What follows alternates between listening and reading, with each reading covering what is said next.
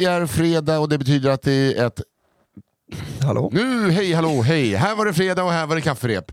Eh, ja, vi spelade in en svintajt öppning. Ja. Men Johanna Wagrell, Hurtig Wagrell. På tal om tajta öppningar. Ja. Eh, det gamla kejsarsnittet. Well, Eh, hon, hon skyller på sin lilla dotter för att hon hade varit och ändrat regler. Ja. Ja. Ja, Ska, ska en ljudtekniker på liksom rocktåget också göra det? nej, jag, Ah, jag, nej, jag sa ju att det var mitt för jag är dum i Alfons. huvudet. Jag sa jag är sa dum du i faktiskt. huvudet. Sa du. Men det kom väl inte med, då, då hade du inte dragit upp Nej, reglerna men min var uppe faktiskt. Ah, ja. Så det var ju det också, jag hade också gjort fel. Först var det, men det var ju också jag. Ja, det var ju Skitsamma. bara du, det var du som gjorde det där barnet Ja. också. Så allt är ditt fel. Det var Men- som min kompis- Men hej och välkomna! ja, förhoppningsvis hör ni detta då i alla fall. Ja. Ja, Vi säger vi nu. får hålla tummarna. Fingers crossed. Ja. Eh, ni ska vara välkomna, Johanna Hurt Wagrell, Albin Sårman Olsson, till min podcast. Nej, hem till Johanna, där vi är idag. Igen. Där vi ska vara. Det är liksom hemmaplan. Men här är- ibland så är gräsmattan inte tillräckligt bra och då får man vara på Grimsta IP, alltså hemma hos mig. Så här. Ja, så är det. Eh, och det är kul, jag sa till min kära käresta och berättade hur vi spelar in det här, att man får en kopp kaffe och en, och en eh, burk cola. Och så sa hon bara Åh mysigt! Och då såg man, ja vi har det faktiskt väldigt mysigt. det är jättemysigt. Men vi pratade om det innan, vi, alltså att Albin ofta kommer tidigt. Ja. Eh, och nu ehm, så var jag på väg och skulle lämna mitt barn på förskolan och då var det liksom du och eh, ditt barn som gick ut ur hissen och skulle in hit. Det, var, det är jättemysigt att bara, du kan bara gå in, det är öppet och sen så liksom är det lite så här häng och så precis får man en kopp kaffe och sen får man läsa jätteroliga historier. Ja. Det är liksom den perfekta, upp, det perfekta upplägget på vilken dag som helst. Ja, men det märks att du gillar att ha det så. Du har ju ofta, det kommer ju ofta en syster till dig Mm. eh, och öppnar dörren bara. Ja. Att det är liksom... Man vet aldrig vem som, ingen aning vem som är vem av systrarna. Nej, att man säger... Alla ser helt olika ut, Mm. men jag, kan, jag vet inte vem som är vem. Nej men de, de är många. Det är Ja. därför. Ja. Och man behöver heller inte veta. Det, det, är Hallå kanon, säger man. det är kanon om du och jag kan se skillnad på liksom, ut, urskilja Johanna ur gruppen. Ja, men om man blundar kan man ju inte det. Nej. Jag tror inte heller att flera av dem vet vem av er som är Nisse och vem som är Albin. faktiskt, vi ska faktiskt- vara ärliga. Eh, men, eh, men de tycker om er båda. Ja, ja, då så. Ja, ja, Det är jag, inte så att de ibland, varannan gång man träffar dem, hatar dem en. För att de vet att det är jag. nej men också så här, nej! eh, vi sa alla att vi tyckte om dem. Jag blev nej, lite förnärmad av att vi inte visste vem som var Albin och vem som var Nisse. Är du förnärmad? Ja, jag vet. Jag vet, du har din nya rena stil. Jag har ju det nu. Det är så clean. Eh, jag bara tänkte på, eftersom du skyller på Bettan när det kom till reglarna på mixerbordet. Ja. Runkens dotter välte ett bord när hon satt i hans knä då vi tog en kaffe igår. Ja. Och han liksom så här, det var hon! hon är ett och ett halvt. Jag så här, det, du kan inte lägga det på henne. Nej. Du kan inte det. Men man kan försöka. Ja men det var så Det himla bra. Det var så jävla... Liksom, sån, Titta på mig. Och hon. Ryggmärgsreflexen. Ja. Finns det ett barn i min närhet som jag kan skylla på? Ja det finns det. Go. Bara se sig om. Hundar eller barn. vet du vad jag Ja. gjorde häromdagen? Åkte bil med Johanna Hurtig Ja. Jag hörde om detta ja. Det var ingen vidare resa eller? Nej, men jag skrev till eh, Emily så här, hon kör så himla tryggt och bra. Sen kom natten och dimman, livrädd. Ja. Men det, Ja, men alltså det För då var märkte jag kaos. att Johanna Hurtig Wagrell, hon, hon litar fullt ut på att bilen ska köra åt henne. ja, Jag, jag litar inte på autopiloten. Nej nej nej, jag körde inte auto då. Du sa håll i er, den brukar bromsa sent sa du. Nej, men det, var när, när, det var när trafiken plötsligt tog stopp på E4. Ja. ja, ja. Då sa jag så här, okej nu blir det, för de hade, plötsligt var det bara stopp. Ja. Eh, och då är ju cruise controlen sån att den stannar ganska hetsigt. Ja.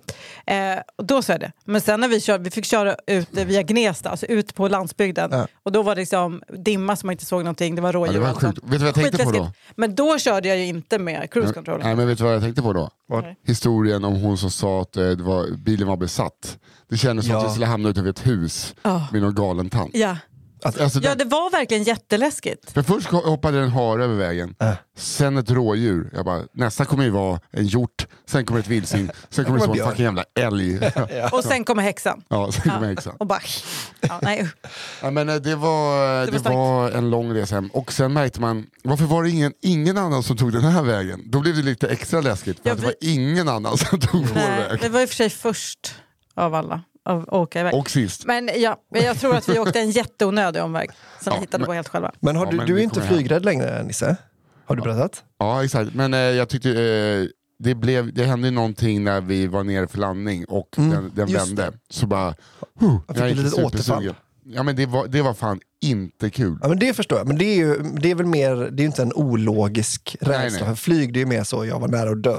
Ja, Det ja. måste man ju få lov att vara lite rädd för. Det är läskigt när Men det är blir det, jag tänker om det är en sån kontrollförlust som gör att du är flygrädd, eller om det bara är så... Nej, det, har väl varit, ja, men det är väl lite kontrollförlust men det är också, jag är mer rädd för att åka bil med folk. För Ja. att piloter är ändå utbildade. Ja, Alltså. det är ju Eh, bilförare. här, jo men Sandra Ilar som har berättat om sin, hon eh, tog ju körkort upp i Norrland och har typ inte kört i, i alltså så här, Jag tycker väldigt mycket om Sandrila, men hon är nog det, den sämsta bilföraren jag har suttit i samma bil som.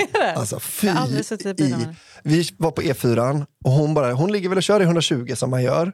Men hon sitter och pratar med mig då som sitter i framsätet och jag bara så, du vet att det är stopp här fram nu Alltså, nu, nu börjar det bli dags. Hallå, Sandra? Bromsa nu, nu måste du... Alltså hon tittar liksom inte på och så var det liksom boom, stopp på E4. Då bara kan dra 120 rätt in i bilen framför. Men den ska ju som inte stå där. Nej men, eh, men sen tror jag också så här som jag nu är, är liksom, går lite på mål och nyförälskad och så här, då har man mer att förlora så då blir jag lite, då, lite hypokondrisk igen. Så, så att det går väl lite hand Ja, det hade varit så typiskt nu ja. Ja, ja. Johanna drar in en älgröv. Ja. Ja. Jag frågade flera gånger om det kändes lugnt och ni var ändå eh, Ja, ni ja, väldigt det- bra. Ni var duktiga, ni spelade hög musik. Och jag frågade hela tiden om du var trött. Ja, nej, men det var, det var, ni var väldigt bra att ha i bilen. Det du, låter som att ni har kommit varandra närmare. Ja, ja det känns som att vi har gått igenom någonting. ja, Ja. det har vi. Jag, ska bli Egentligen vi kommer nog ersätta dig med Petrina bara för att vi Ja. behöver Ja, hålla det- ihop gänget. Ja, Ja. där har jag The svårt, gang. att, svårt att säga emot Nej. också. Nej, man får ju lägga ner med standup när man hör henne köra standup. Helvete vad bra. Ja, hon är fruktansvärt bra. Jag vill inte ens prata hon om kommer antagligen dö i förtid av någon hjärtsjukdom eller någonting så det är ingen fara. Oj, oj, skojar, oj! Jag tar avstånd. Ja, jag tar avstånd. Eh, Jag alltså- älskar dig eh, Kristina. Eller Marika eller vad det Det heter. det går inte. Ja. Okej, Mm. eh, jag säger som jag brukar göra för er nytillkomna. För jag vet att ni sitter där. Det här är ingen pladderpodd alla Alex och Sigge och några andra flöjtar. Utan här är det alltså tre stycken ja, underground-komiker som eh, vi läser upp lyssnarnas historier. Ni lyssnare skickar in historier till kafferepetpodd med 1d at gmail.com. Historier från era liv, från er vardag från eh, någon annans liv eller vardag. Eh, de ska ju helst vara, eller de, ni ska tro att de är sanna. För vi ska skapa nya råttan i pizzan, nya sägner. För att den historien som är bäst varje vecka, den eh, får ni använda som er egen. Vi kommer läsa upp tre stycken i var. Eh, för första gången, vi har inte läst dem innan, utan det är vår redaktör Fia Lo Almström som väljer ut. Ja. Och då läser vi upp dem första gången och det brukar vi kalla för Ja, då. A prima vista. ja, det är en lek. Ja, det är det. Att vi alltid säger olika. där. Ja, men det, är, de som alltså, det, det känner man igen.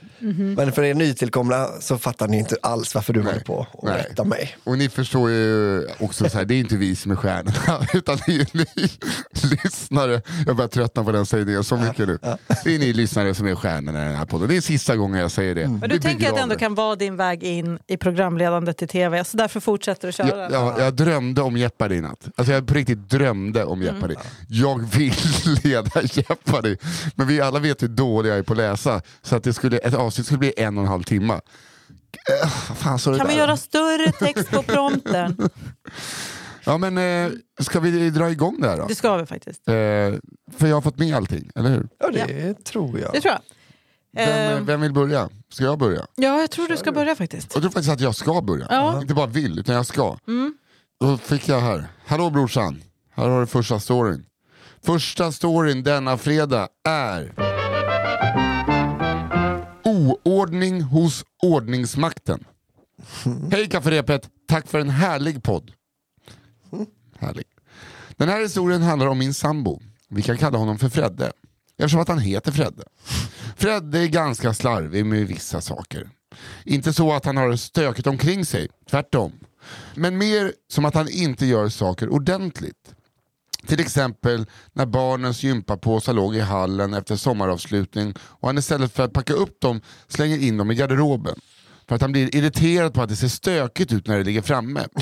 Eh, och vi sen hittade de möglade påsarna i slutet av sommaren. Det, har- det har ju gjorts i skåp i Ja, skolan. gud ja. Men jag tänkte precis det här låter som du Nisse, att det är väldigt så här, rent och snyggt och prydligt.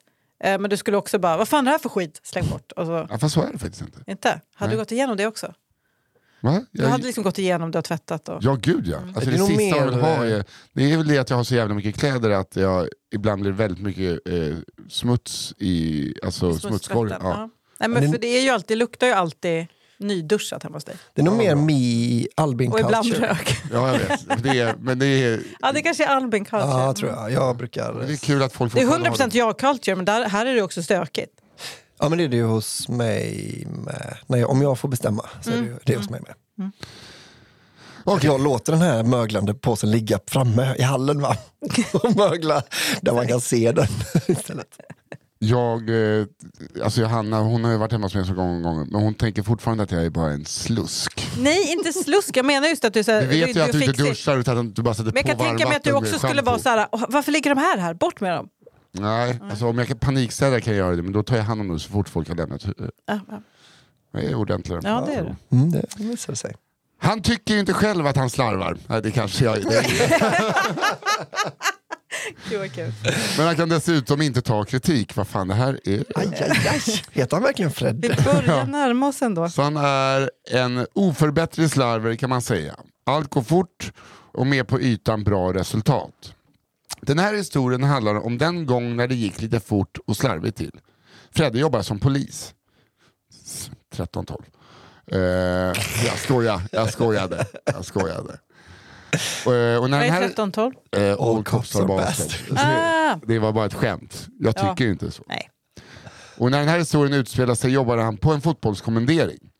Det är ett stort antal poliser som jobbar med att hålla ordning vid stökiga fotbollsmatcher. Det går ganska ofta vilt till och som polis behöver man ha en hel del extrautrustning som hjälm och sköld. Poliserna samlas för...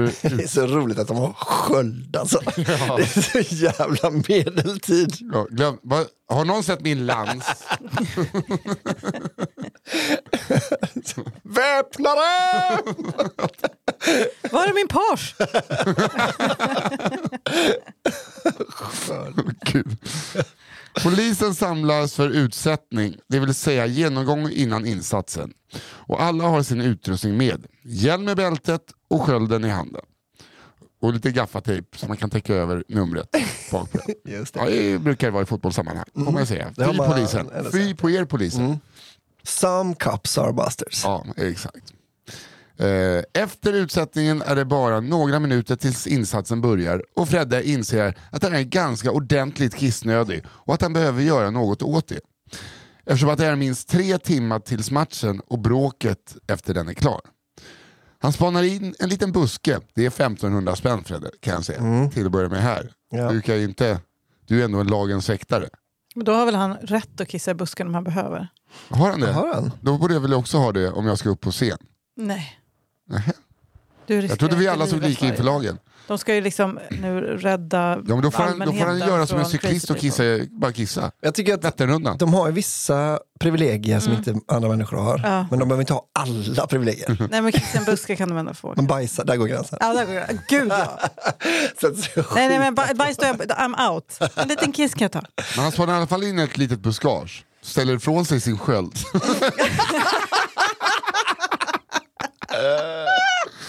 och går snabbt dit för att lätta på trycket. Medan han kissar ser han sig åt, eh, oroligt omkring. Det vore inte bra om någon såg en uniformerad polis då urinera offentligt. Nej, för att eh, de får väl antagligen inte göra det. Det måste de få göra. Nej det är klart de inte får men jag bara menar. Nej, också om man, jag tror man får kissa offentligt om man verkligen behöver. Det- men alltså, det, annars är det orimligt. Ja, jag Jag, jag tänker så här, man kissar en buske, om de säger så här, hörru du, då är det så här, kan jag bara få kissa klart? Jag, jag betalar gärna 1500. Men låt mig inte knipsa av det här. Nej, Nej, nej, precis. Nej det är ju otrevligt. Men sen tjänar polisen inte så bra. Så 1500, alltså jag menar 1500 Nej, nej, jag menar för mig. Ja, ja. Nej, nej, för dig är det inga problem. Långt bak i huvudet tänker han lite på att inte skvalar när han kissar. Men tanken tar sig inte riktigt fram till medvetande. ja, jag vet exakt. Vadå, vadå? När han kissat kvar? klart och ska stänga gylfen tittar han dock ner och inser sitt misstag. Orsaken till att inte skadat är att han har kissat i sin hjälm. Den är till bredden fylld med varmt, gult, illaluktande kiss. Han hinner bara tömma ur hjälmen innan befälet ropar “Hjälm på!” Nej! och det är dags att börja den minst tre timmar långa insatsen. Eh, med den inte längre så toppfräscha hjälmen på sitt huvud. Åh för fan, det är då det är så jävla gött om man har gaffat. Ja. numret man kan byta vem med någon annan. kiss? Vem, vem luktar kiss? Fan. Åh gud. Åh, nej. det, är, ja, det här är en bra polis känner jag. Jag kan tänka mig att polisyrket handlar, det här, är- nu gissar jag verkligen, att det handlar väldigt mycket om att gå in i, en, eh, liksom en roll av att ha pondus. Exakt. Alltså, du vet, man går in i ett rum med massa okända människor, man, liksom måste bara in, man måste, Du måste liksom äga situationen. skicka bak axlarna och höj, bara för att liksom låtsas som att man Det är som att har- gå på har scen. självförtroende. Ja, precis. Men tänk vad mycket svårare det är när man vet att man stinker piss. Och Ja. liksom, Ja, dra- man, man dra- känner sitt eget kiss så här, rinna längs huvudet och man bara nu är det du som följer med mig. Nej, det är det nog inte. Men det nog kan tvärtom. inte vara hans bästa, alltså, han kan ju inte, göra, han kan ju inte utföra sitt bästa, sin bästa jobbdag Nej, den det dagen. Men alltså, alltså, det är ju också kul, visst det är kul med sköld, men det är också kul att de har hjälm när de inte, alltså när de går. det är, alltså visst att de får ut så liksom, men det är som att det är lite fusk, för huliganerna har ju inte hjälm. Nej, just det. Varför skulle De det vara här- fusk? De, de är inte på samma... Det är inte alls samma regler för dem tror Nej, men jag menar, de har sköld, pistol och hjälm. Ja, det är helt som ett korrekt, är barn det- har fått klä ut sig, jag är en rymdgubbe. Ja, Och jiddaje. Det var en så kul kombination, jag har aldrig det är tänkt på det en innan. jättekul kombination. Jag bara säger att huliganerna har liksom... De, de är ju inte alls på samma... De ska ju inte ha någonting. Nej, Nej, det det är samma, nu är det inte jämn match. Det ska inte, Huliganer har ju ofta, Det är mycket tandskydd och vaselin. Ja, men va, får man ha hjälm lite vart som helst på en arena Det är fett om det bara, eh, firman Boys kommer bara, mm. sådana solida hjälmar och sköld. Sådär, ja, då kör vi. Vi har också sköld nu. Ja, det är mitt bästa när, när eh, vad heter de, Nordfront eller vad heter det, eh, marscherar och, eh, NMR, va? och, NMR, och när de har sina eh, sköldar och polisen är bara så, ge mig den där jävla. Vi sköld, vi sköld. Alltså, man bara ser snutar putta ner liksom, NMR-sköldgökar i, Ta i inte min sköld då. då. Ja, det finns ett något klipp där som jag, liksom, jag skrattade liksom, så här, klucka nästan. För man såg bara hur trött polisen var. Det var som dagisledare. Men om du får sköld får jag sköld. Ja, jag tycker det var en glad the start. Ja, verkligen. Ja, jättehärligt. Och alltså, jag älskar också det att han var så här, fan. Ja, ja. Ja. Det skadar Alltså inte, inte. så här, inte bara, okej, well, jag får slänga in handduken. Utan han bara, okej. Men för det är väl, det måste ändå vara den grupp med liksom i, eh, i liksom polisers försvar då, eller liksom för att hedra dem lite. De, de måste ju vara de som minst gnäller på ar, arbetsmiljö. Ja, Att det, det fanns liksom inte i hans hjärna att bara så, nej men eh, det här kan ingen tvinga mig att jobba med, piss i hjälmen. nej. Nej. Alltså jag går hem nu. Att Nej. poliser är så vana vid att bara ha det skit. Ja. Och sen, bara, eh, ja, ja. sen på med kisshjälmen och så är det någon som börjar kasta tegelstenar på en. Ja, hopp. Ja, men det, det, Sen det, lunch. när någon står med sitt eget kiss på huvudet, då känner man ju verkligen thank you for your service. Ja. Alltså, Men jag tänker också att det, det allra vanligaste är väl att en polis kommer hem med någon annans piss på kroppen. Så Ja, det, är exakt. liksom, Ja. det här är väl ändå bättre än... två steg upp. All right, Albin. Johanna, Är det, jag? det är inte Albin? nej det är, klock, Är det jag? klockans håll eh, som vanligt. Det är All right. Man ska lära kärringen hela Aj, tiden. aj, aj, aj. Kan inte olika håll. Som Hon har väl solen. digitalklocka? Ja, hon säkert också. Vet du. Naturligtvis har jag det. Har så mycket pengar vet du, så de kan köpa digitala klockor. Kors och hit och kors och dit. Jävla skit. All right. Den här heter Smygbajsaren. Så välkomna till kafferepet. Här är mitt bidrag till podden. Det är en historia som jag fick berättad för mig av huvudrollen i berättelsen. Jag har ibland delat den vid diverse tillställningar och det gen, eh, gen, genererar, genererar, ja. Genererar. Genererar alltid rungande skratt. Min syster som rekommenderade er påstår att det är en sån där råttan i pizzan historia som alla redan hört. Men hon kan inte säga vart mer hon skulle ha hört den och ingen annan jag berättat den för har hört den förut. Ni får väl avgöra om det är en originalhistoria eller en råttan i pizzan. Okej, vilken Jag menar- Verkligen. inledning. Verkligen. Fina, fina människa. Jag menar i alla fall att den är äkta. Nu till historien. En kille vi kan kalla Mange hade träffat ny tjej och var väldigt förälskad. Allt flöt på bra och så småningom blev det dags för Mange att träffa tjejens föräldrar. Sagt och gjort åker de en fredag kväll hem till hennes föräldrar i Gävle för en trevlig middag. Mange som varit lite nervös, som man ju kan vara vid sådana här tillfällen, tyckte ändå att det gick bra och han verkade bli godkänd av föräldrarna. Under middagen så känner han att magen börjar göra sig påmind. All nervositet inför kvällen har gjort sitt så att säga för tarmen. I de nya svärföräldrarnas hus är planlösningen så att matsalen där de sitter och äter är ganska nära dörren till gästtoaletten. Mange undviker in i det sista att ursäkta sig men inser snart att han måste gå på toaletten innan det händer en olycka. Väl inne på toaletten funderar han på hur han ska kunna maskera ljudet av vad han tror är en ganska ansenlig pjäs. En normalt fungerande hjärna hade kanske lagt plumspapper toalett i stolen eller eh, låtit vattenkranen rinna eller varför inte sjunga en sång. Men inte Mange sjunga en sång. Man ja. hör någon... Hi ho, hi ho, hi ho. You can leave your head on. Det är smart kan man ta sådana pressa på-låtar. Vi har löst det. Mustang Sally! Vilken Metallica sånt där. Mustang. Bästa bajsarlåten. Okej. Okej.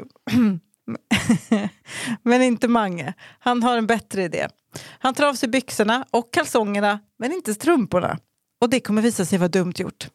Han ställer sig sen på ringen till stolen och böjer sig fram med lätt böjda knän och så ser han ner mellan benen bak till själva utgångshålet och har handen full med papper. Nej, nej. Varför måste han stå på tå? Ja, det här är, det här? Han ska då fånga den. Men, ja. All right. Yeah, yeah, I wanna be a rockstar! Åh oh, nej. Ja. okay. Um,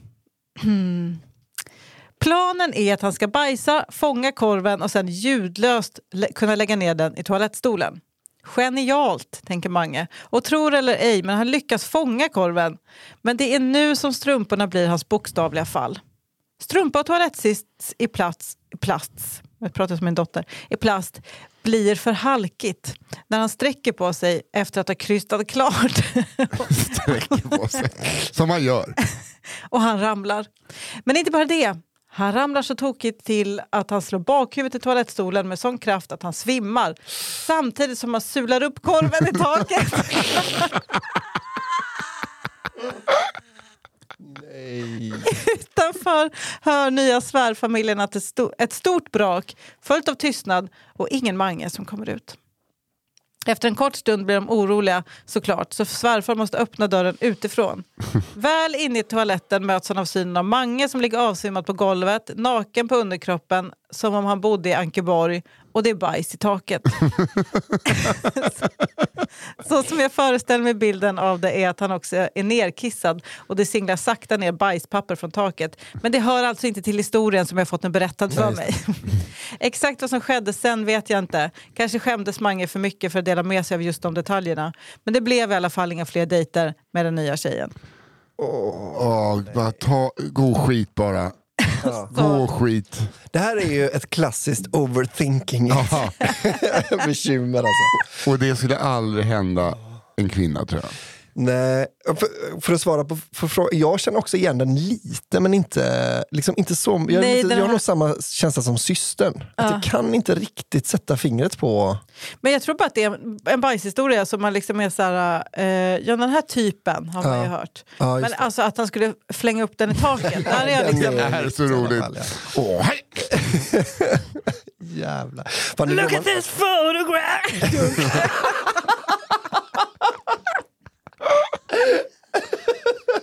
Men det, alltså det han glömde egentligen var väl att ha en sån cyanidkapsel mellan tänderna när han gjorde den här eh, ja. grejen. För att om jag ramlar och slår mig nu, då kommer jag i alla fall vara död när han hittar mig. det är det han borde ha gjort. Fan, jag glömde cyaniden. Åh vad pinsamt, Åh, gud vad pinsamt. vad också det där med bajs, det är också Ja. superskämmigt såklart.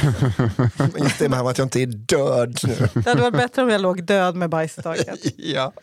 ja, för då hade det också blivit en sån här kul, eh, ni vet den här, han, han, han hänger från eh, en snara i taket fyra meter upp. Det är blött på golvet. Hur hände detta?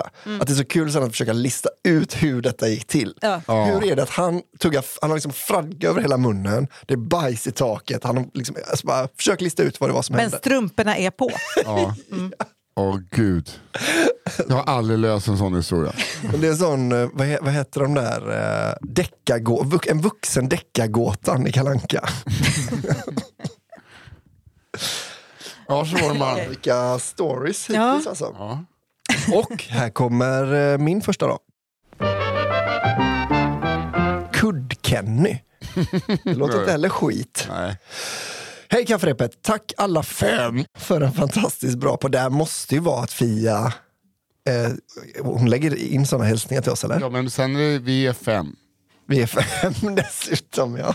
Vi är fem. Daniel Aldermark också, vår eminenta klippare. Han kommer klippa in så. Tack alla Fem, fem. fantastiskt, fantastiskt bra podd. Här kommer en historia som en gammal bekant berättat om en kille som gick på hans gymnasieskola. Killen som historien handlar om kan vi kalla för Kenny. Kenny bodde på en liten ort i Skåne och beskrevs som en person som inte var främmande för att visa röv, penis eller pung. Oj, oj, slampa. Ja, Verkligen. den lilla horan. Inte heller var han sen med att pressa tidigare nämnda kroppsdelar mot andra personer eller deras tillhörigheter. Ja, övergrepp. Just det. Kenny hade under Jag hade gymnasiet... tjejer, tjejkompisar som betedde sig så fast med pattar. Pattarna? Gud, Med vad- tunkarna. Med kyrkklockorna. Med ostarna. Ostarna. är- Hojarna. Marängerna. Det är väldigt... Du, den här 99 words for boobs-låten personifierad. Men det, det känns inte som att någon någonsin blir sur för det va? Eh, Eller, nej, det, det var ju mer en partygrej. Sen Ja, är det det. väl lite, lite kan ju vara lite så här nu, ta en mindre shot. tack. Ja, ja. Nej, men jag menar, hade det Som varit... tjej, alltså du, kan, du hade säkert tyckt, vilken trevlig människa. Gud, Ja, ja, men jag har en vän, hon är Vilken, liksom, vilken bra bordsdag. Ja, men om hon tänkt. däremot hade dragit ner brallorna och liksom snig, snigelspårat mig, då hade jag ju blivit lite så... Då hade man tappat det lite. liksom. Mm. Nej, men brösten är inte så farligt, det var ju liksom mer en, en, en, en part, partygrej. Lite kul grej ju. Ja. Jag bara Lite som säger. helikoptern. Det är liksom bara en kul grej, ingen blir upprörd Nej någonsin. men sant. Eller? Helikoptern är jag väl blir väldigt stolt Den när är jag lyckas. Det är så mycket koordination. Ja visst, jag har ju börjat hoppa hopprätt nu så jag blir bättre på det. Jag håller med kroppskontroll.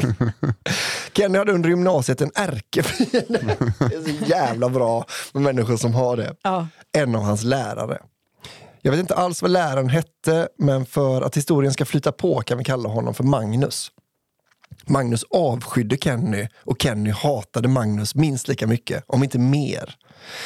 En kväll hörde en tjej som Kenny dejtade av sig. Hon extrajobbade som barnvakt och frågade om Kenny ville titta förbi när barnen somnat. Precis som i en high school-film.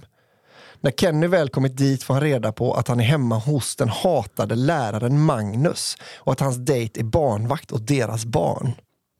Kenny ser sin chans till hämnd för upplevda oförrätter och för alla antagligen välförtjänta utskällningar. Han föreslår snabbt att de ska passa på att umgås intimt då barnen sover på sina rum. Sagt och gjort. Det knullas loss i Magnus och hans frus säng.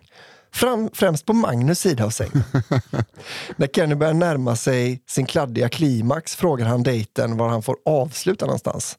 Hon svarar att han får komma var han vill. Och Kenny tar då tillfället i akt och förvandlar Magnus vita huvudkudde till en Jackson Pollock-tavla i två nyanser av vitt. Det är också kul att de bara, kommer du vill, kommer du vill. Okej, ge- Okej. ge mig temperaturkudden. Exakt vad jag vill. Mm, nej, men det hjälpte mig mycket. Medan de senare, eh, sedan bäddar i ordning sängen så vänder Kenny på huvudkudden så att den obefläckade sidan hamnar uppåt. Planen var tydligen att Magnus inte skulle upptäcka kuddkladdet direkt utan i ett halvsovande tillstånd vända på kudden under natten. Om planen gick i lås och om det hela fick några konsekvenser för Kenny förtäljer inte historien. Så det här är bara Ja, det är bara... en hemstory. Jo men ah, om det hade varit en ljud... Eller bara, jag menar inte bara, jag bara menar, man vill ju gärna se Magnus reaktion. Jo, alltså, men jag tänker så i en, om man inte är återhållsam här när man ska berätta den här historien och ska lägga till, då kommer ju läraren med en kudde fast, fastlimmad på kinden dagen efter till skolan och så har han inte märkt att det sitter en kudde. Men Men det här är du, det bara- klassiska att man vänder på kudden för att få en kall. Ja, precis. Ja, men Och det, så bara, vad fan är det här? det är, men också läraren kanske lyssnar på den här podden och bara Kenny! Ja, gud. alltså, ja, just det. Jag hade dödat Kenny. Ja, det, Jag hade avskedat eh, barnvakten. Ja, det, det också. Absolut. det absolut idé. Ja, men vad skönt att det inte blev värre än så här ändå med tanke på att det var barn med någonstans i Eh, bilden. Gud ja. Det får man säga. Jag ska döda hans barn som en hämnd. Har man upp mördat två barn. Här kommer min andra. Anneli på klippkurs. Hej kafferepet. Hej. Hej. Här kommer min historia. Har tänkt länge på att skicka in denna. Men på grund av lite krångliga yrkesbegrepp har jag antagit att den kan vara svår att förstå. Men skitsamma, jag gör ett försök. Jag arbetar som frisör i Sveriges tredje största stad. Yeah, Karlstad! Jag skojar. Jag tyckte jag roligt. För ungefär tre år sedan åkte jag och några kollegor på barberarkurs. Eller rättare sagt skinfade-kurs. Ja, det fattar vi vad det är. Ja. Side note. Okej, English. Vad fan är skinfade? Jag ska försöka förklara så bra som möjligt och detta har betydelse längre fram. För att få fram en snygg fade så använder man klippmaskiner med skär i olika längder. I nacken och runt öronen ska håret vara helt raka till 0 mm och ju högre upp på huvudet man kommer ska håret bli lite längre, en millimeter i taget. Ja, som frisyr jag har haft på senaste, i någon form av kris. Eh, Ja, sen klipps detta ihop med hår... kunna säga. fotbollfrisyr kan man säga. Mm, verkligen. Sen klipps detta ihop med håret på gässan. För att få till det bra behöver man först raka bort håret helt längst ner i nacken och runt öronen. Sen använder man de lite längre skären för att fejda. Ja, Mm. jag hoppas ni förstår vad jag menar. Vi fattar det helt. Absolut. På kursen var det många olika sorters frisörer. Både bra och dåliga. Det, är bara Det var jätte- racial profiling, var det inte det? det var sådana som bara tar 112 kronor. Det finns de som har veckans frisyr. Det är så jävla bra idé. Ja, det. Veckans Min kompis, så var det när han var liten. Veckans frisyr. Jag var nog dock den yngsta. Jag fick uppfattningen om att en del var från olika hålor i Skåne. Typ där frisörskorna röker sig på trappen till salongen, vet allt om alla i byn och som tycker att zigzagbena fortfarande är fräsigt. Kursen hölls av en barberare från, Engl från England. England vill jag säga. Han hette Luke. Luke var en liten man i 40-årsåldern, helgaddad med en tydlig engelsk accent. Luke visar oss på en scen på en hårmodell hur detta går till. När han är klar är det vår tur att öva på modeller. Vi står uppradade och alla börjar försiktigt att raka i kanten längst hårfästet i bakhuvudet. Bredvid mig såg en kvinna i 50-årsåldern. Kan tänka mig att hon heter typ Anneli eller Agneta. Hon har en grov skånsk dialekt och pratar högljutt med några av hennes kollegor hon är där med. Luke går omkring mellan oss och guidar oss och hjälper oss vid behov. Ett tag senare när de flesta börjar bli klara så ropar Anneli på Luke. Hon behöver hjälp. Anneli kan uppenbart inte mycket engelska så konversationen går till ungefär så här. Yes love, uh, what do you need help with? Säger Luke på en extremt sexig dialekt. Tackar. yes yes. I need help uh, with this Kent. Det är halländska. Men det kan. Kul. I need help with this cunt. Säger Anneli. I'm sorry. The cunt. I can't see the cunt. I can't see the cunt. No, the cunt disappeared. Vid det här laget är det en annan kurslärare som översätter och ingen av dem verkar direkt kommentera detta. Jag står och hör allt och alla andra kursdeltagare är upptagna med att prata med varandra. När Luke har förklarat för Anneli hur hon ska lösa sitt problem och gått en bit ifrån så hör jag honom säga till den andra, eh, till den andra kursledaren Did she call me a cunt? Tack för en bra podd. Det can't disappear. Ja, det är kul att hon säger det när han, går därifrån. Det can't disappear. She call me, she call me fucking cunt. I think the count disappeared. Gud vad jag tyckte att det var svårt att eh, prata engelska med någon annans dialekt. Ja, det är svårt. Ja, Förutom göteborgska, det är liksom lätt. ja det blir dåligt bara. Ja, Göra det så dåligt man kan. can't. Så man can't. In the count. In the. Janne right. Hurtig. Karatetysken och hans söner. Har vi Hej. Inte hört om en karatetysk Jo. innan? Det, måste, det har vi gjort, eller hur? Han som ner låg ett med, hus, eller? ja, och låg med någons mamma. Just det. Hej kafferepet-gänget! Fantastiskt rolig podd och om ni behöver historia så vill man ju självklart ställa upp. Här kommer en historia. Gud vad fint att hon tänker så, för det behöver vi hela Mm. tiden. Keep them coming. Jag har ett litet tips. Ibland får man en sån, oh, jag har- jag har en sån, det här påminner mig om en historia. Skriv ner direkt i anteckningar i telefonen Mm. under tiden ni lyssnar och sen så, vad fan var det? Fan, jag har glömt bort nu. Ja. Kolla, Snyggt. Smart, väldigt smart. Otroligt. Du väldigt Eh, du menar att det finns anteckningar Ja, i mobilen? ja visst.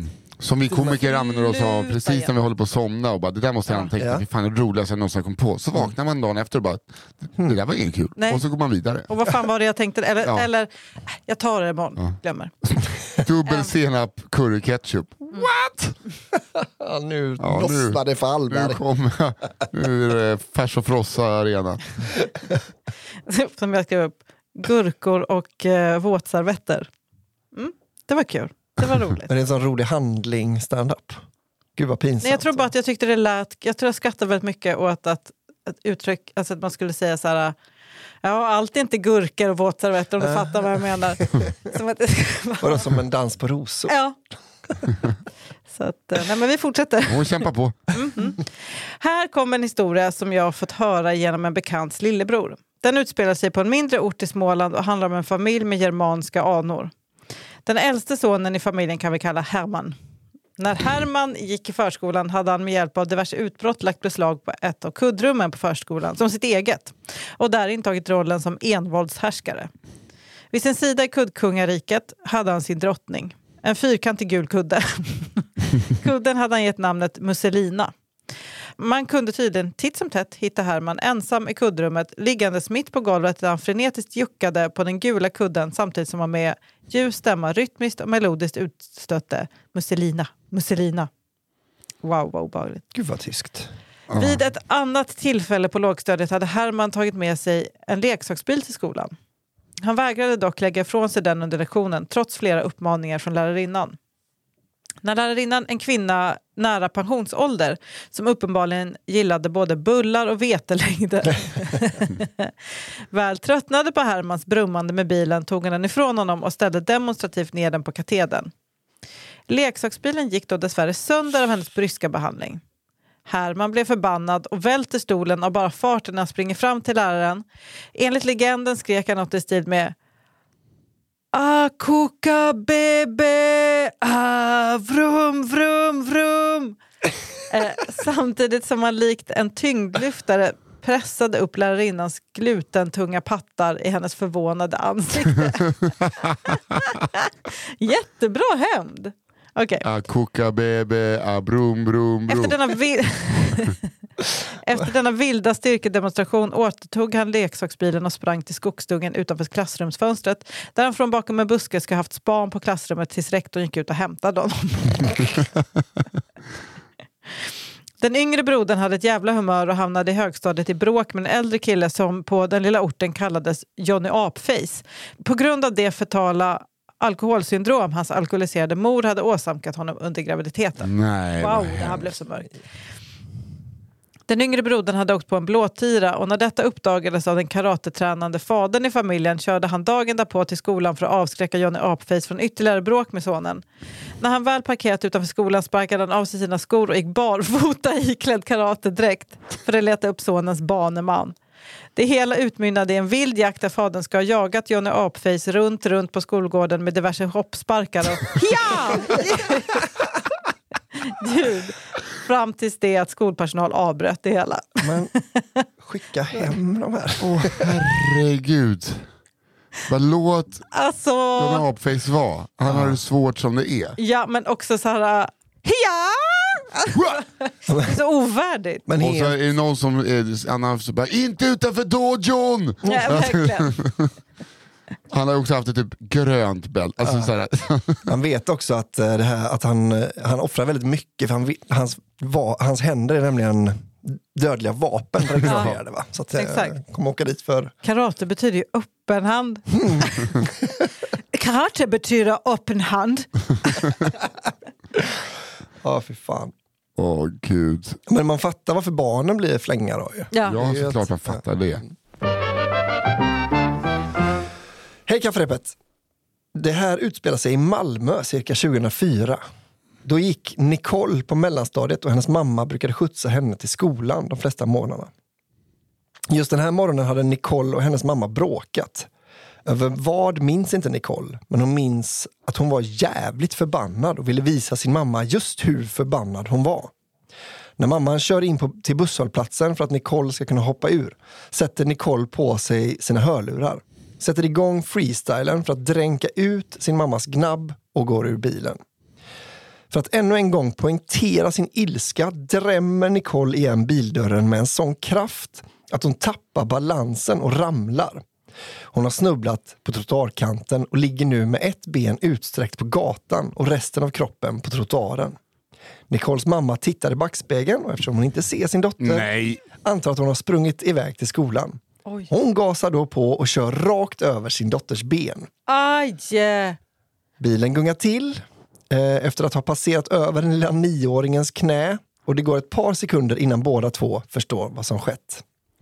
Det som händer sedan är lite dimmigt men mamman kastar in en tjutande Nicole i baksätet och stresständer en cigg medan hon kör i 100 km i timmen till akuten.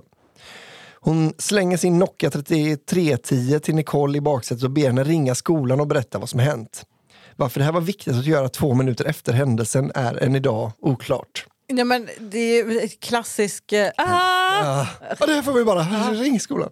Väl på akuten bär Nicoles mamma in henne och sätter ner henne på en stol medan hon förbereder sig för en eventuellt kommande sossanmälan och berättar med skakig röst för sjuksköterskan i luckan att hon kört över sitt eget barn. Nicole blir direkt högst, upp, högst uppsatt på triageringen. Jag antar att det är någon sorts... Kirurg. Nej men, eh, ja men vad heter det? Väntelista på, typ. ja, ja, ja, ja. Och, och börjar undersökas. Efter fem timmar av röntgen, reflextester och annat eh, läkare... Eller vänta, läs den igen. Triang, triageringen. Ja, det kanske är någon sorts Nicole blir direkt högst uppsatt på triageringen. Och börjar undersöka, ja det måste ju vara det va? Ja. Att du så före i kön. Ja. Det betyder kö, triagering. Säkert. Efter fem timmar av röntgen, reflextester och annat läkarjox kommer diagnosen oskadd. Inga krossade ben, inga sönderslitna senor eller muskulatur som släppt, utan benet är bara lite mörbultat, som läkaren uttryckt sig. Mamman gråter tårar av lättnad medan Nicole är lite besviken över att inte få ett gips eller ens ett par kryckor att visa upp för klassen. Hon körs helt sonika tillbaka till skolan där de får halta in på svenska lektionen och fortsätta sin dag. Snipp, snapp, snut så var Nicoles överkörning slut. Fan vad sjukt, jag googlade det. Triage, eh, ut, alltså tri, Triager. triage, fast inte en apostrof. Det är exakt det, är en, triage sades det då.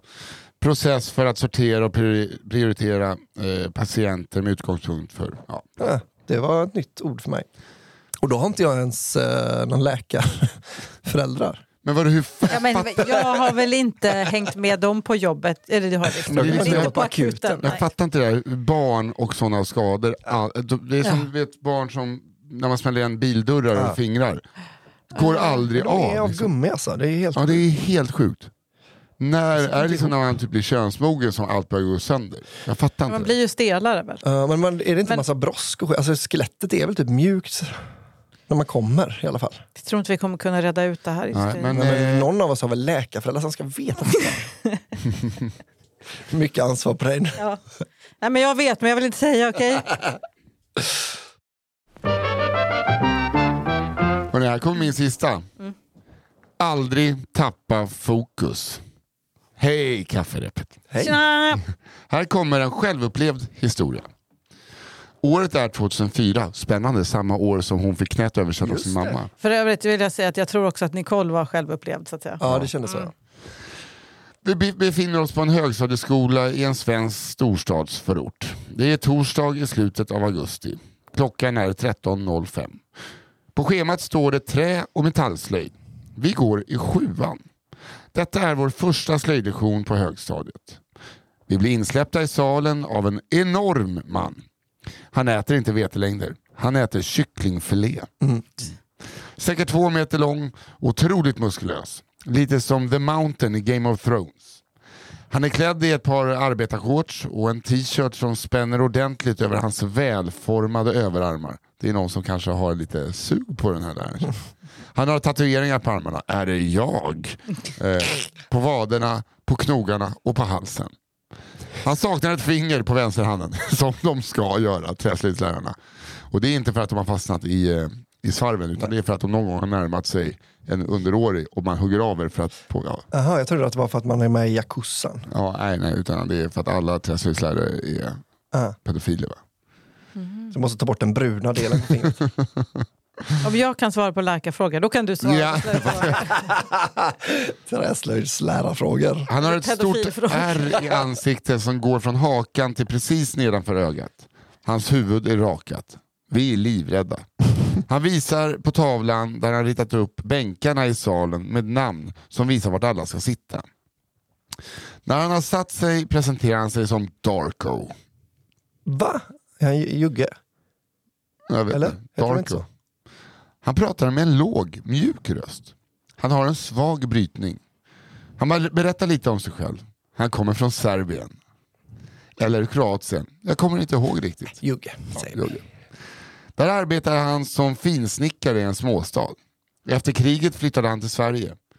Sen gick vi laget runt och alla fick säga sitt namn och något litet om sig själva. Intressant att han flyttade efter kriget va? Och inte, att det inte är en sån kille som inte drar under kriget utan han väntar tills det är slut.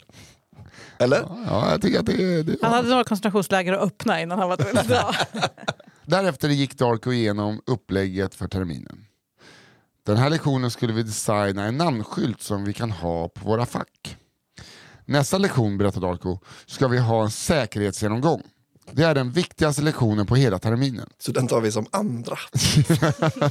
Efter vi använt lödkoll. Vi ska först köra bandsågen, vi ska borra med, med pelarborren, vi ska köra lödkolv. Sen nästa vecka. Ni kommer hit även om ni är sjuka. Om ni är hemma vill jag se läkarintyg. Alla fattar. Sen avslutar han lektionen. Under veckan som följde fick vi höra en del rykten om Darko. Enligt dessa är han en veteran från Balkankriget. Oklart vilken sida han stred för, men, ska, men han ska ha varit en riktig mördarmaskin. Han verkar snäll och mysig, men tar ingen skit och är väldigt sträng. Veckan gick som veckor gör och snart var det dags för torsdag igen. Darko släppte in oss och vi intog våra platser. Darko börjar genast prata om hur man beter sig i hans sal. Det är absolut förbjudet att springa och leka. Han visar verktygsskåpen och berättar hur man handskas med verktyg på ett säkert sätt. Han berättar om en kille som fick en skruvmejsel i ögat för att han sprang in i den. Ja, undrar vem- Det var Alltså, jag jag. högg honom i ögat för att han Ja, sprang ja, i min ja, sal. Ja. Han går sen över till maskinerna. Han visar vart nödstoppknapparna sitter, han visar vart man eh, hittar skyddsglasögon och hörselkåpor. Efter det börjar han demonstrera de olika maskinerna en efter en. Först ut i svarven. Han spänner fast ett vedträ och startar maskinen. Han förklarar hur man ska hålla verktyget så att det inte ska flyga upp i halsen på en. Att allting är så... Men det är ju också livsfarligt. Jag fattar inte varför barn får lov att hålla på med sånt där. Nej, det är faktiskt lite Det är helt sjukt. Han svarvar lite för att sedan gå vidare till den stora borrmaskinen. Återigen förklarar han och visar. Han borrar lite och går vidare till bandsågen. Han förklarar allt det viktiga. Han sågar lite och plötsligt sprutar det blod över oss som stod närmast. Vi skriker. Darko bankar till nödstoppet och visar upp sin hand. Titta på det här! Säger han med lugn röst. Titta på det här, säger han. Titta på det här. Han har sågat sig, sågat sig halvvägs genom handen. Det går ett snitt från mellan pekfinger och långfinger ungefär 7 cm rätt ner genom handen. Nej men sluta! Det forsar blod. Nej! Dark och rör inte Vänta. en min. Nej men vänta, vänta. Vänta, vänta, vänta. vänta. Har du blodskräck? Nej, Men, ska, nej men jag vet inte. Tänk på bajs. Nej, men, ja. Tå, tå, tå, tånaglar. Han gör det här varje, varje år för en ny klass. Mm, kolla, så här kan det gå för er med om ni inte är försiktiga. Ska jag fortsätta? Ja. Det forsar blod. Dark rör inte en min. Han går fram till första hjälpen-lådan och drar fram ett bandage. Men han börjar linna om, det sar- om den sargade handen förklarar han med sin låga mjuka röst. Ni såg vad som hände. Jag hade inte fokus så jag sågade mig i handen. Eftersom jag inte hade fokus får jag skylla mig själv, eller hur? Detsamma gäller er. Han fortsatte sedan lektionen som att inget hade hänt. Först när lektionen var slut, cirka 40 minuter senare, åkte han till vårdcentralen. Tack för en fantastisk podd. Wow. Puss och kram. Mördarmaskinen. Dark. Wow. Usch, usch, usch.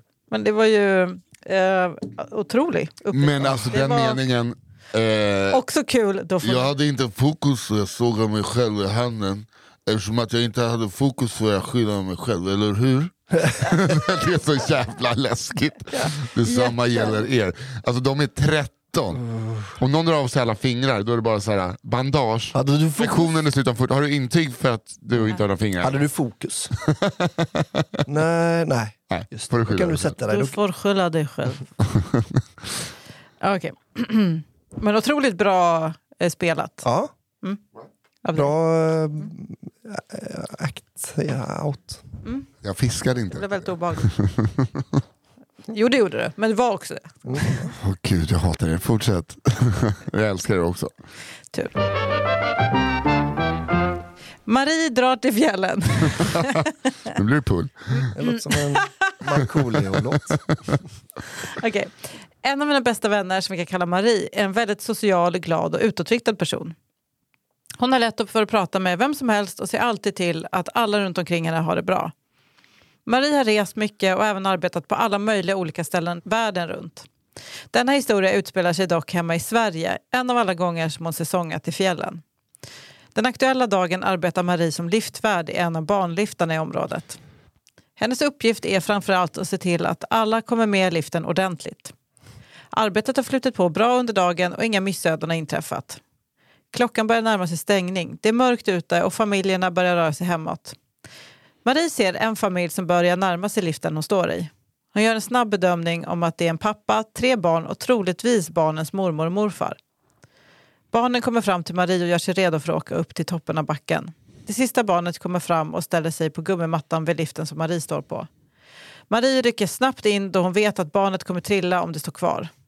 Barnet är någonstans mellan fyra och sju år gammalt enligt Maries bedömning. Det är svårt att avgöra när barnen är fullt påklädda med både hjälm och glasögon. Mm. Marie som inte är rädd för att ta kontakt med främmande människor bestämmer sig för att ge barnet lite stöttning. Hon går glatt fram till barnet, börjar prata med den välanvända barnrösten och säger Oj då, här kan du inte stå. Jag ska hjälpa dig. Marie lyfter upp barnet och ställer det i rätt position och säger Såja, nu kommer liften. Full fart framåt. Marie tänker att shit, den här ungen var tung. Men ställer sig sen på gummimattan igen. Hon märker dock hur alla runt omkring henne liksom stannar upp en aning och tittar på henne. Det blir ganska tyst. Familjen som barnet tillhör står och stirrar på Marie med öppna munnar. Marie förstår ingenting och ler mot familjen som fortsätter titta på henne. När barnen åkt ner från backen tar barnet som stått på mattan av sig hjälmen och börjar prata med sin familj. Det är inte ett barnansikte som Maries blick landar på. Det är en vuxen person, men en kortväxt sån. Närmare bestämt mamman i familjen. Marie vill sjunka igenom den förbannade gummimattan. Hon har alltså burit och pratat bebisspråk med en fullt vuxen person. Säg till om ni vill höra mer av Maries upptåg. Skojar bara, här kommer en till på köpet.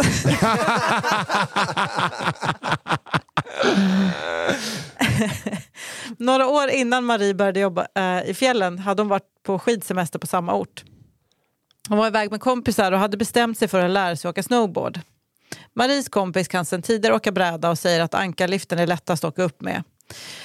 När man lär sig åka snowboard är liften en av de svår, svårare momenten men Marie litar på sin kompis och de åker upp tillsammans på samma bygel. Det vet jag inte om jag kan hålla med om. Att liften är det svåra. Men. Nej, jag håller inte med. En ankarlift ser precis ut som ett ankare. En pinne i mitten med en bygel som går ut på varje sida. Dessa byglar placeras mellan benen på den som åker snowboard. Allt går bra för Marie och hennes kompis fram tills de kommer till sista branta backen i slutet av liften. De känner sig dock säkra och åker lite zigzag i liften. Don't. Detta resulterar i att både Marie och hennes kompis trillar.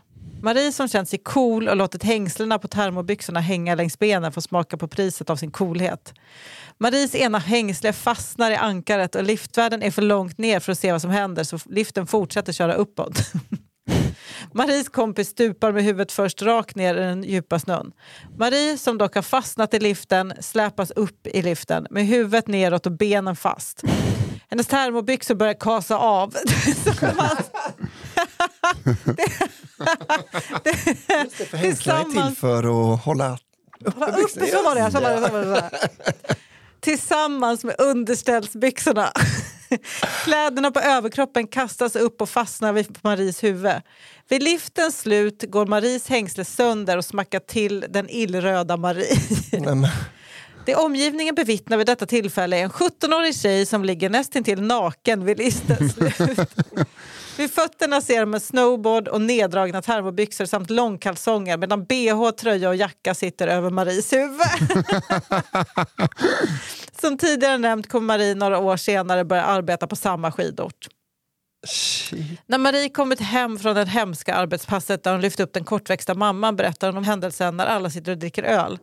Alla skrattar som håller på att dö. Maries berättelse leder till att alla börjar berätta om roliga saker de varit med om på anläggningen.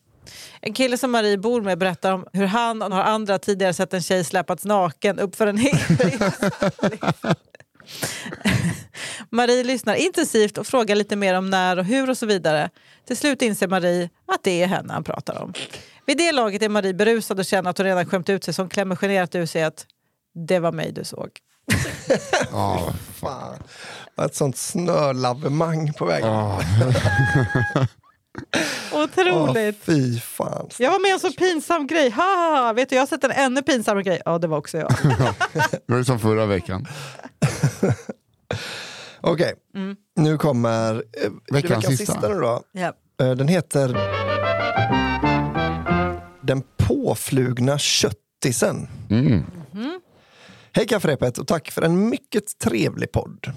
Tack själv. Hej, hej. Hej, hej. För ett par avsnitt sedan berättade ni en historia om en misslyckad Tinder-date med en vegan som ville att tjejen skulle klä ut sig till katt, vilket fick mig att tänka på en egen misslyckad Tinder-date. Och gud vad jag tänkte på, det var jag. Trodde jag också. Johanna Jag är ni här med anmälda för förtal. Tack för en trevlig podd. Hej då. Eh, Dock är detta från det andra perspektivet. Då jag själv är vegan och har mött en hel del galna köttisar i mina dagar. Ja. Sådana som måste väldigt tydligt och hårt trycka på att kött är det bästa de vet och att de aldrig skulle kunna tänka sig att sluta äta det oavsett vad. Dessa personer brukar också ha en tendens att gå in i diskussioner och vill gärna trycka ner veganer som ja, svaga, dumma och så vidare. Men historien jag ska berätta nu är utan tvekan det värsta jag varit med om. Håll i er. För ett par år sedan, efter att jag gått ur ett långvarigt förhållande, skaffade jag Tinder i hopp om att få kanske testa på det ljuva som singellivet hade att erbjuda. Det var snarare en kall och stenhård vägg som mötte mig istället för ett flörtigt meddelande från en potentiell ny bekantskap. Eftersom jag kollade runt med polare innan valde jag att inte skriva ut att jag var vegan då det eventuellt skulle skrämma iväg framtida flickvänner som ser en som en galen djurrättsaktivist. Då jag vet det rykte som finns hos oss veganer om att vi verkligen aldrig kan hålla tyst om att vi är just veganer håller jag detta väldigt mycket för mig själv och tar endast upp det om någon frågar. Man vill ju inte strö på fördomar ännu mera liksom. Men en dag matchade jag med en tjej och vi verkade komma bra överens via text så vi bestämde oss för att träffas. Spännande. Bord på en restaurang bokades, kollade givetvis upp om det fanns något för mig på menyn innan, skadad som man är. Och känslorna började bubbla ordentligt. Det kändes väldigt bra. Dagen kom och vi möttes upp utanför restaurangen. Hon såg bra ut, även i verkligheten. Vi utbytte några snabba hälsningsfraser och kramades innan vi gick in och satte oss. Väl till bords och menyn framför oss gick det snabbt för mig att veta vad det skulle bli. Den klassiska veganburgaren som nästan alla restauranger pliktskyldigt har om det kommer en jobbig jäkel, precis som jag själv. När jag berättade för min dejt vad jag tänkte äta märkte jag att någonting förändrades i hennes blick. Hon lutade sig fram över bordet och nästan viskade fram Du, du är väl inte en sån där? en, så, en sådan, vadå? Svarade jag, men visste redan vad hon skulle säga. En sån där vegan. Sa hon med lite orolig betoning på just vegandelen. Nej men gud. Jag suckade inombords. Du verkar också ha träffat världens skönaste vegan. Så Ja, faktiskt. alltså, lite för tidigt på detta. Jag hade hoppats att det skulle bli en första dejt utan massa frågor om varför jag inte äter bacon, som är så gott. Påhittade scenarion om jag skulle äta en gris om jag var på en öde ö, och om det är okej om djuret har självdött om jag skulle äta det. Eh, Åh Lu- gud vad sånt där måste vara Ja, fruktansvärt man har hört allt förut. Men det är också Men varför konstigt för att äter, det, om du älskar djur, varför äter du upp deras mat då? ja, men alltså, man bara, men, jag menar, du behöver inte vara vegan men man kan väl få äta lite vad man vill eller? Ja, exakt. Men Man luttrad, vet ju varför. verkligen. Men luttrad som man är så var det bara att le tillbaka och svara Jo då, jag är en sån där vegan. Hon tittade nu på mig med vidöppna ögon som om hon hade sett en alien komma inridande på två finska diabetiker med matchande magväskor. Jag förstod att hon tyckte att jag var lite knäpp. Inte en sån där jobbig jävel då eller? Som ska hålla föreläsningar och sånt. Saknar du inte kött? Men äter du ägg? Tycker du inte om svenska bönder då? Började hon fråga i ett rasande tempo. Jag förklarade att jag inte dömer någon som väljer att eh, äta kött. Att jag inte saknar något direkt, att eh, allt animaliskt är något jag undviker och att svenska bönder är, ändå helt okej. Jag försöker så gott jag kunde framstå som en vanlig kille fast med den lilla twisten att jag har havremjölk i kaffet istället för vanlig mjölk. Eh, hon verkar ändå köpa min förklaring och lugnade ner sig med frågorna. Men det var något med henne som var lite konstigt. Som om hon hade något lurt för sig. Vi beställde in vår mat. Eh, jag med min basic veganburgare och hon tog en entrecote. Blodig. Vet inte om hon verkligen var sugen på just detta eller om hon var mer intresserad av att se min reaktion då hon flera gånger ummade högt när hon åt och även poängterade högt hur gott det var. Hela tre gånger frågade hon om jag inte ville smaka då det var så gott och att jag kanske skulle börja tycka om kött igen om jag gav det en ny chans. Jag tackade artigt men bestämt nej alla gånger. Till slut verkade hon förstå. Jag skulle själv inte frivilligt äta något kött. Middagen fortlöpte och vi började komma in på andra samtalsämnen och jag kände att spänningen verkade försvinna eh, och blev allt mer avslappnat mellan oss. Inte visste jag då vad som nalkades. Efter maten beställde min dejt in en charkbricka och jag tog in en ny öl. Givetvis frågade jag bartender om den var vegansk. Man är ju skadad, som sagt. Och jag märkte att hon valde att förflytta sig från att sitta mitt emot till att sitta bredvid mig. Den här plötsliga närheten tog mig lite off guard. Men eh, det var inget jag tackade nej till. Det kanske ändå fanns lite hopp om att det här skulle bli någonting till slut. Gud vad han är Ja, förlåtande. verkligen. För hon har ju varit skitjobbig. Desperat kanske. Innan charkbrickan kom in fick jag en väldigt vanlig fråga som gjorde mig lite orolig. Skulle du kunna hångla med någon som precis ätit kött eller hur känner du inför det? Då de flesta människor inte har dinglande rester av köttbitar i munnen brukar det här sällan vara ett problem. Och jag sa precis detta till henne. Hon skrattade högt åt detta och la en hand på mitt knä. Tanken på nattligt sällskap kändes helt plötsligt som en tänkbar möjlighet. Till slut kom charkbrickan in med ostar, kallskuret och diverse från djurriket. Hon började smaka på de olika delikatesserna medan jag smuttade på min öl och vi fortsatte prata om ditten och datten. Plötsligt kom vi till ett sånt läge där hon tittade intensivt på mig och började sakta luta sig mot mig samtidigt som hon stängde sina ögon. Jag fattade galoppen och bemötte hennes kyss men var inte redo på vad som skulle hända härnäst. Det är jag. Det är jag med. Jag reagerade på att hennes tunga kändes väldigt kall, liten och väldigt salt. Vilket fick mig att dra mig förvånat tillbaka. Jag insåg då att det inte var hennes tunga jag nu hade i munnen utan en bit salami som hon slugt hade smugglat över till min mun och nu satt där med ett otroligt stort flin. Visst var det gott med lite riktig mat för en gångs skull? Det Sjuka smakar människor. inte så illa alls va? Men tror, alltså, vad är det för konstigt att hon tror att han tycker att det smakar illa? Nej, exakt. Nej, du har faktiskt rätt. Du har omvänt mig. Ska vi gå hem och knulla nu då? Ja.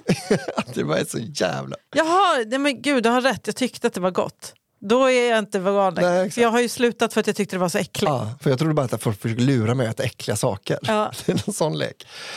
Chockad över något som jag bara trodde kunde hända på vita duken tog jag ut biten av salami ur min mun, kollade först på den, sen på min dejt, sedan åter på biten salami och till sist återigen på den, nu i mitt tycke galna tjejen jag hade framför mig. Uh, jag måste bara gå på toaletten, hasplade jag ur mig och tog min jacka med sikte på utgången. Jag var inte sugen på att stanna kvar med en tjej som tyckte det var en bra idé att spotta matrester i munnen på mig och framför, framförallt något som jag verkligen inte var sugen på. Mäh, bli inte sur nu, det var ju bara på skoj, hörde jag henne ropa efter mig. Men jag var redan halvvägs ut.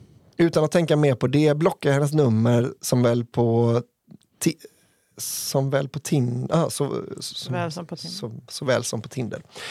Och kände att det här inte blir en andra dejt.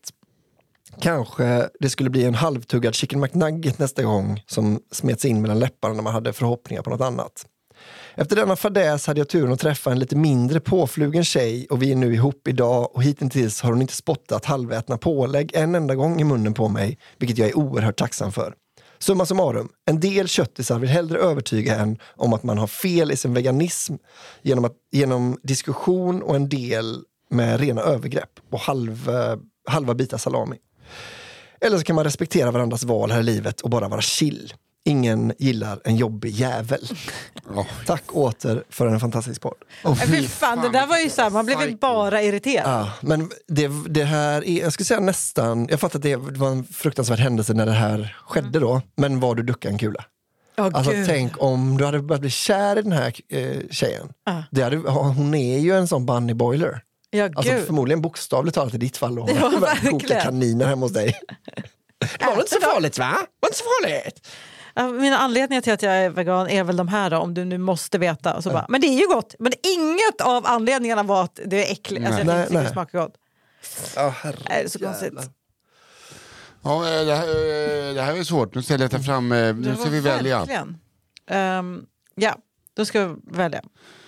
Min första var oordning hos ordningsmakten. Polisen som pissade i hjälmen. skölden. Min andra var Anneli på klippkurs. Hon som sa kant. Kant. Skånskan som sa kant. Eh, och min tredje var aldrig tappa fokus. Det var Darko som drog sig i handen. Då är, det var mitt fel. Okej, jag hade då smygbajsaren. Det var han som svimmade med bajs i taket. Ja. ja. Sen hade jag eh, karatetyskan och hans söner. Ja. Oj. Haja! Eh, och sen hade jag Marie drar till fjällen. Ja, Han- Dubbel-whammyn Marie. Just det. Bara fick en I samma livssystem. Åh, samma jävla lift, ja det är otroligt. Och jag hade Kudd-Kenny, alltså killen som fick spruta vart han ville och valde sin lärares huvudkudde. Uh. Överkörd, då dottern som blev överkörd av sin mamma Just det. och då den här påflugna köttisen. Som. Gud vad svårt. Ja. Jag vill slå ett slag för Marie drar till fjällen. Ja, jag För den var- den... Så jäkla... Det är två ändå bra historier Ja. som också knyts ihop. Mm, Jag är var helt med på det faktiskt. eh, snyggt. Jag är faktiskt helt med på det. En liten honorable mention är väl också då bajs i taket. Eh, Alltså den bilden är så jävla rolig när man kommer in och han ligger avsvimmad. Att man tänker att det hänger en bajskorv så. Ja. Och bara så, liksom på sista, snart landar den i huvudet på honom. Men, nej, men det, det lät som att Marie, eh, det är en liten slam dunk nästan va? Ja. Jag får säga. Ja, då, då kör vi på det. Det är alltså din sista historia. Eh, precis. Ja, så det är alltså historia nummer åtta Ja. som ni tar. Och den är allas nu då? Ja, allas, Alla båda har två. en Ni fick kompis. två idag. Alla har Ja, en kompis just som heter det. Marie. Ja. Och det Det blir var nästan som den förra veckan, han som, eller om det var förra, förra som skett på sig och spydde två gånger och eh, kommer hem och får höra Gud. Ja, den, den är helt sjuk. Ja. Tack alla som skickar in. Fortsätt skicka in till kafferepet podd med ett D, alltså pod at gmail.com. Vi behöver, vi har liksom fyra tror jag, eller fem tills jag har sommaruppehåll. Och vi Ja. måste mosa på här nu. ja, kom igen. Eh, Vi behöver historier. Fan vilken bra skörd det var idag. ja, Ja, det väldigt bra. Jävla bra. Och eh, tack Fia Lo Almström som är vår eminenta redaktör och Daniel Aldermark på One Touch Edit för att du är Sveriges utan tvekan bästa klippare. Så är det. Eh, Också vegan. Ja. Kanske är Daniel som har skickat in. ja, Vegetarian. tack. Vegetarian. Lacto Ja, ja, ja. Han trycker i sig Eh, mjölk. Men eh, det är väl inte mer. Och gå in på cigarrrummet Ja, eh, på under- underproduktion. just det. Vad heter det? Tack så mycket för den här veckan och trevlig helg. Och trevlig helg. Hej då! Hej då!